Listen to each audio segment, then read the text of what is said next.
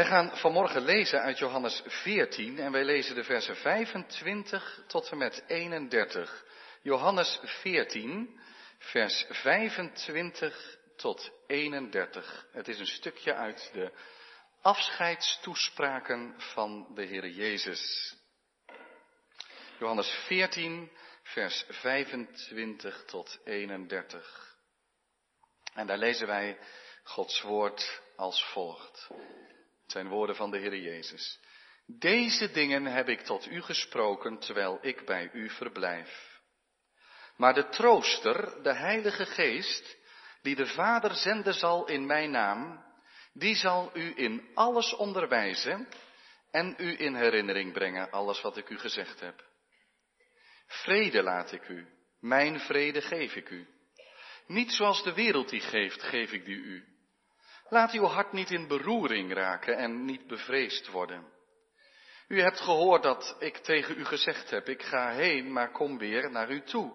Als u mij lief had, zou u zich verblijden, omdat ik gezegd heb, ik ga heen naar de Vader, want mijn Vader is meer dan ik.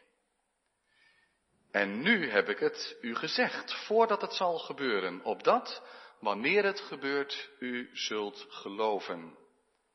Ik zal niet veel meer met u spreken, want de vorst van deze wereld komt en heeft geen macht over mij. Maar de wereld moet weten dat ik de Vader lief heb en doe zoals de Vader mij geboden heeft. Sta op. Laten wij hier vandaan gaan.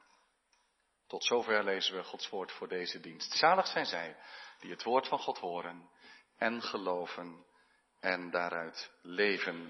tekst voor de prediking is Johannes 14 en daarvan in het bijzonder vers 27. Maar de Heer Jezus zegt, vrede laat ik u. Mijn vrede geef ik u, niet zoals de wereld die geeft, geef ik die u. Laat uw hart niet in beroering raken en niet bevreesd worden. Johannes 14, vers 27. Gemeente van onze Heer Jezus Christus. Het is vandaag de zondag tussen hemelvaart en Pinksteren. We noemen deze zondag wel Wezenzondag. Dat gaat terug op een tekst uit dit hoofdstuk, met name vers 18, waar de Heer Jezus zegt tegen zijn leerlingen, als hij over zijn afscheid gesproken heeft, ik zal u niet als wezen achterlaten. Zo zouden de discipelen zich namelijk kunnen voelen nu Jezus hen vertelt hoe hij bijna zal gaan lijden en sterven en dan van hen heen gaan. En zij hebben daarbij gestaan met allerlei vragen als, hoe moet het nu verder? En Jezus zegt dan, ik zal u niet als wezen achterlaten, want, zegt hij, ik vergeet u nooit, ik kom terug. En onderwijl geef ik u mijn heilige geest. Daarom wordt juist deze zondag Wezenzondag genoemd, omdat ja, we hemelvaart gevierd hebben, gevierd dat de Heer Jezus naar de hemel terug is gegaan en zo afscheid nam van zijn leerlingen. En het is nog geen Pinksteren. Het is natuurlijk niet echt een wezenzondag, maar u weet nu waar de naam vandaan komt. En die tekst, Johannes 14, vers 18, komt op een zondag als deze dan nog wel eens aan de orde. En dat is nu net de zondag dat we bekend maakten dat we als gezin teruggaan naar Nederland. En ook dat kan een verweest gevoel geven. Dat hoeft niet. U hoeft zich niet verplicht te voelen om een verweest gevoel te hebben. Het zal ook divers, verschillend ervaren worden en dat is goed. Maar wie weet herkent u het wel. En dat er zomaar allerlei gedachten bij u bovenkomen van hoe moet het nu verder? En kan het allemaal wel verder? Een, een verweest gevoel, als een kind wees wordt, moet het verder zonder te weten hoe, zonder dat het eigenlijk kan. Natuurlijk kan een kind ook wel zeggen, ze zullen wel een oplossing vinden, maar dat verweesde gevoel, misschien zelfs een gevoel van verlating. Kan ook gebeuren als er iets moeilijks in je leven gebeurt, waardoor je leven even over de kop gaat. Het kan een gevoel zijn wat je ook naar God toe hebt. Dat je je wat verlaten voelt en dat je eigenlijk zegt, Heer, nu ik u zo nodig heb, waar bent u nu? In Johannes 14 tot 16 spreekt de Heer Jezus over zijn lijden en sterven. En spreekt hij dus woorden van afscheid en woorden van voorbereiding. Maar het maakt de leerlingen van hem bang en ongerust. Ze zijn geschokt. Het begon eigenlijk al bij de aankondigingen van het lijden, dat ze Jezus aan hebben gekeken met een wat lege blik en ze begrepen het niet. En als je dan even terugbladert naar het einde van hoofdstuk 13, dan lees je dat Petrus nog vol goede moed zegt dat hij Jezus beslist nooit in de steek zal laten, maar dan zegt Jezus, je zult me verloochenen. En dat brengt Petrus, maar dat brengt de, leerlingen zo in verwarring. En Jezus ziet dat. Het onderwijs is gewoon te veel voor hen. Jezus zegt zulke nare dingen. Hoe moeten we daar nou mee verder? Ze kunnen het niet plaatsen, ze kunnen het niet overzien.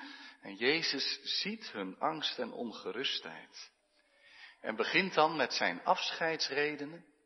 Met die woorden, eerste vers van Johannes 14. Laat uw hart niet in beroering raken.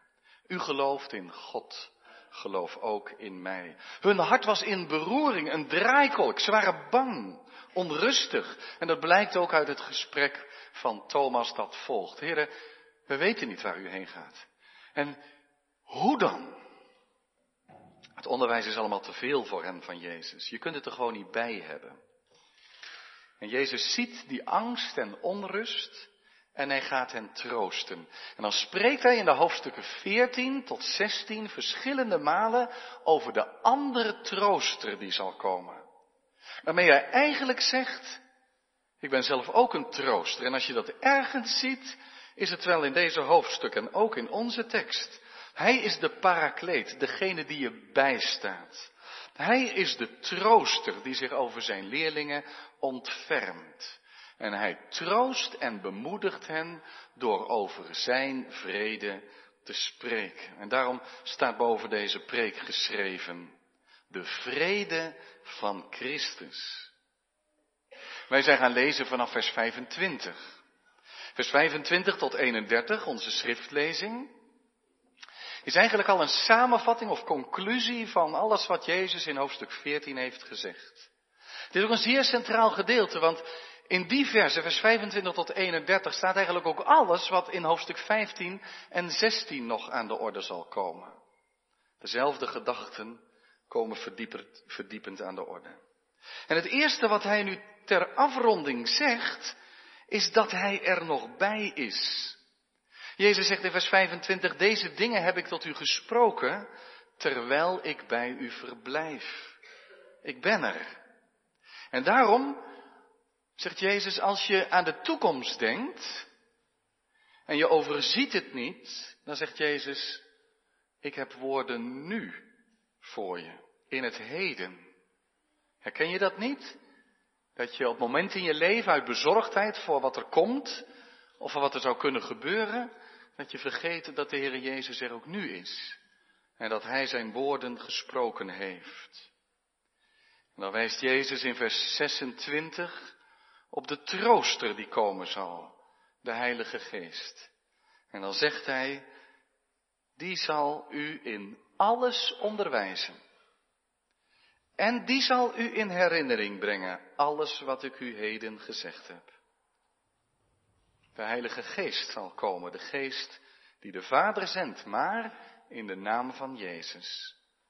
En die Geest zorgt ervoor dat de gemeente van Christus steeds weer zich herinnert wat het evangelie van Jezus Christus is. En daarom moeten wij altijd weer leven bij de woorden van Christus.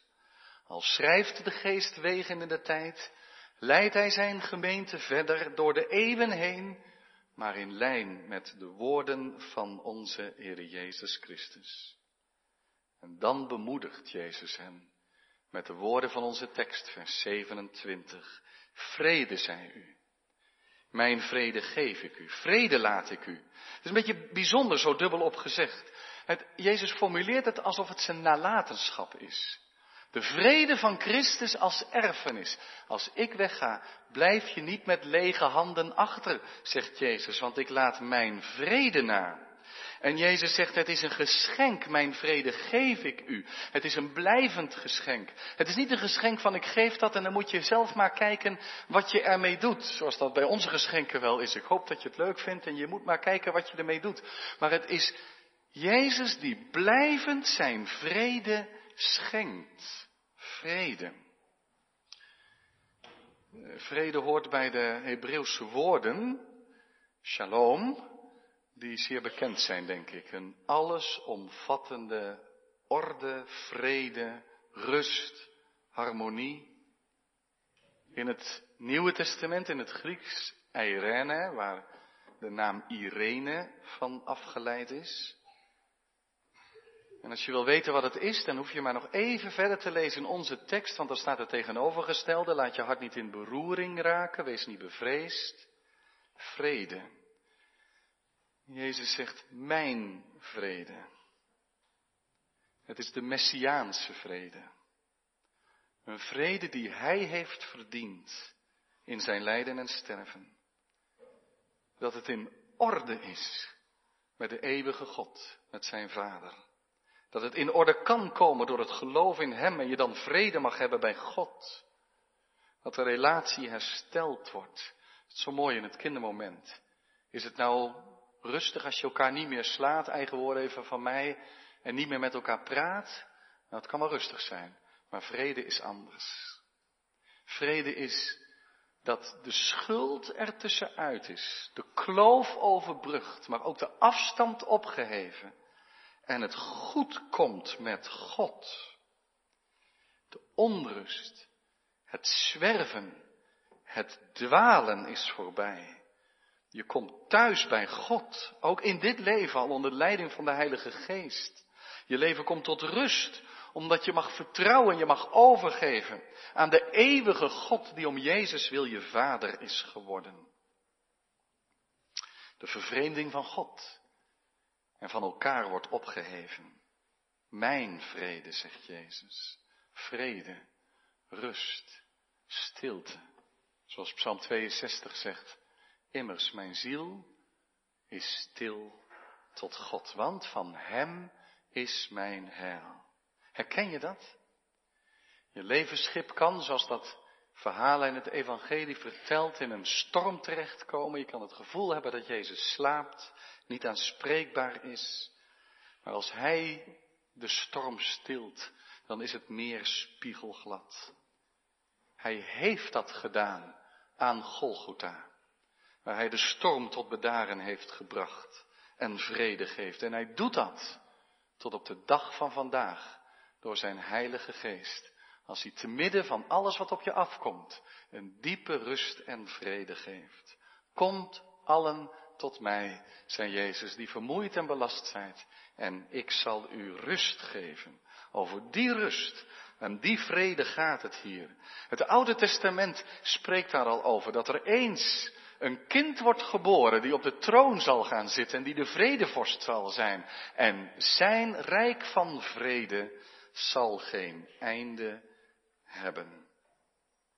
En die vrede vind je daarom ook alleen bij Jezus, bij de Messias. En daarom zegt de Heer Jezus erbij, en dan zetten we een stapje verder in de tekst, niet zoals de wereld die geeft. Hier gaat het om een vrede die de wereld je niet kan geven. Echt niet.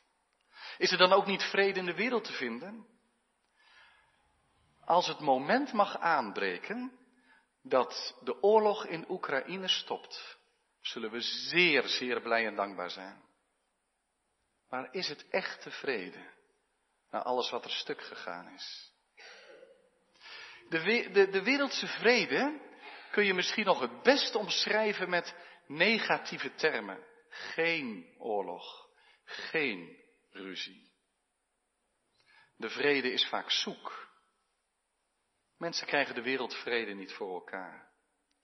Ook in onze eigen levens is het met de vrede vaak verzoek, niet best gesteld. Veel mensen zijn rusteloos. Herken je dat? Niet op hun bestemming, zoekend. Hoe vaak wordt in deze wereld de vrede niet als een surrogaat ingevuld? Drinken, plezier maken. En daarna staat de werkweek weer op je deur te bonzen. Er is veel prestatiedruk. Er is ook veel om van te genieten en zelfs dat moet als je niet uitkijkt. De druk is er altijd. Welke vrede verwacht je van de wereld? Jezus zegt vanmorgen tegen ons, mijn vrede is zoveel rijker, die is echt. Het is namelijk een zwaar bevochten vrede en een duurzame vrede.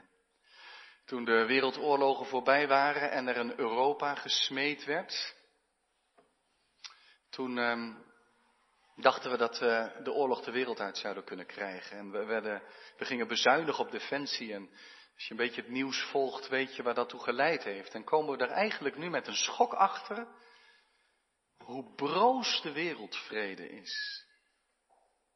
De vrede van de wereld is niet duurzaam. Maar de vrede van Christus wel. Het is de vrede die Hij geeft. En die een voorproefje is van de eeuwige vrede bij God. Vrede, omdat de vijandschap er niet gedaan is. Vrede, omdat de schuld weggenomen is. Vrede, omdat de machten verslagen zijn. De toekomst is zeker, ja, eindeloos goed. Welke vrede zoek jij? Hoe gaan wij om met de rusteloosheid van ons leven? Neem je verdoving of medicijn? Ik zou eigenlijk willen vragen, geef er voor jezelf eens antwoord op. Verdoving, waardoor het altijd niet behandeld wordt en altijd weer terugkomt, eventjes, even weg. Ik wil je uitnodigen om het medicijn te gebruiken en naar de Heer Jezus toe te gaan in je gebed en te zeggen, geef mij uw vrede, want Jezus stelt nooit teleur. Kan een onverwacht ingrijpend bericht in de gemeente iets goeds teweeg brengen? Ik geloof dat. Niet om eroverheen te struikelen en makkelijk over te doen, maar in de vrede van Christus, die geproefd kan worden in alle levensomstandigheden. En misschien wel het meest als je leven door elkaar geschud wordt. Jezus zegt dan, je hoeft niet bang te zijn. Wees niet ongerust. Laat je hart niet in beroering raken. Jezus weet waarover hij spreekt. Twee hoofdstukken hiervoor, in hoofdstuk 12, vers 27, spreekt hij over zijn lijden en zegt hij, mijn ziel is in beroering. Het is een draaikolk van binnen. Je kunt dat voelen, lijfelijk, als de spanning toeslaat en je wakker ligt en het kolkt van binnen. Het is niet altijd zo. Wat we zo mooi zongen uit Psalm 63, dan zing ik mij van zorgen vrij als ik s'nachts wakker leg en mijn gemoed is bij u, dan kom ik tot rust. Nu, bij mij blijft de trein dan wel eens rijden. De trein van gedachten enzovoorts. Onrust en angst. En Jezus zegt, waar ben je bang voor? Bang dat het niet goed gaat? Het zit allemaal in deze hoofdstukken. Bang voor verdrukking, waar Jezus over spreekt. Bang dat wat Jezus van hem vraagt te veel gevraagd zal zijn. Bang voor de toekomst. Bang om te lijden. Bang voor het onbekende. Bang om op de leiding van de Heilige Geest te vertrouwen, omdat je het liever in je handen hebt. Het is zo herkenbaar toch? Maar Jezus troost en bemoedigt. Roep die angsten halt toe, zegt hij. Zeg het maar met Psalm 42. O mijn ziel, wat buig je je neer? Waarom ben je zo aangeslagen? Vleugellam geslagen ziel. Hoop op God en wees geborgen. Laat uw hart niet in beroering komen. Wonderlijk dat daar ook iets in zit van hoe God ons geschapen heeft. Als mensen die ook hun eigen hart kunnen aanspreken. Doe je dat wel eens? Zeggen, dan zeg ik, Anna, hou op. Denk niet die kant op. Zet je gedachten nou eens even. Nou ja, dat is niet zo makkelijk, je gedachten stilzetten. En zeker als, het, als je hart vol zorgen is, dan kan het maar rond en rond gaan en heb je er helemaal geen grip op. En toch, als je Psalm 62 leest, mijn ziel is stil tot God, dan begint het in die psalm ook te kolken en te stormen. En dan zegt die dichter vervolgens, stil mijn ziel, stil. Ik weet toch in wie ik geloofd heb? En eigenlijk de, de weg daarnaartoe volgt dan ook in Psalm 62. Stort uw hart uit voor Gods aangezicht. Giet het maar leeg. Breng je gedachten en gevoelens onder woorden en leg ze voor de Heere neer. Psalm 62 wijst ons de weg naar een heilig, onbezorgd leven. En Filippenzen 4, vers 7 doet dat ook. Wees in geen ding bezorgd. Laat uw bidden en smeken, vers 6 en 7, met dankzegging bekend worden bij God en de vrede van God, wie alle verstand te boven gaat, zal uw hart en uw zinnen bewaren in Christus Jezus. Maar in vers 28 in dit hoofdstuk zien we ook een weg. Daar staat een zeer opmerkelijk zinnetje. Dan zegt Jezus, als u mij lief had, zou u zich verblijden. En wat zegt Jezus daarmee? Hij zegt eigenlijk, nu ga ik wel wat snel hoor, maar ik zal het zo even toelichten. Hij zegt eigenlijk wat er in 1 Johannes 4 ook staat. De liefde drijft de vrees buiten. Want in de liefde zit vertrouwen. In de liefde zit overgave. Jezus zegt, ik herinner je nog eens aan het onderwijs dat ik heb gegeven. Ik laat je niet los. Ik vergeet je niet. Ik blijf bij je. Ik kom terug. Ik geef mijn Heilige Geest en alles wat je nodig hebt. En dan zegt hij, als je mij lief had, dan zou je je verblijden. Dan mag je je aan Hem toevertrouwen. Dan mag je in dat liefhebben van de Heer Jezus Christus, dan zegt Jezus tegen die discipelen ook zeggen, dan zul je straks, als ik zegenend naar de hemel ben gegaan, je verblijden en met verwachting uitkijken naar het vervolg, want de geest komt. De geest die gave geeft. De geest die bemoedigt. De geest die in de waarheid leidt. De geest die de weg wijst. Hou van de Heere Jezus. Dat is het allerbelangrijkste. Hou van de Heere Jezus. Leef bij zijn woorden. Bij zijn evangelie. De liefde brengt vrede. Heb Christus lief. Een grotere zegen is er niet voor een gemeente dan dat de gemeenteleden Christus lief hebben en zich in Hem verblijden. Al overzie het niet. Heb Christus lief. Verweest hoeven we niet te zijn, nooit. Jezus zei, ik ben met u alle dagen, tot de voleinding van de wereld. Amen.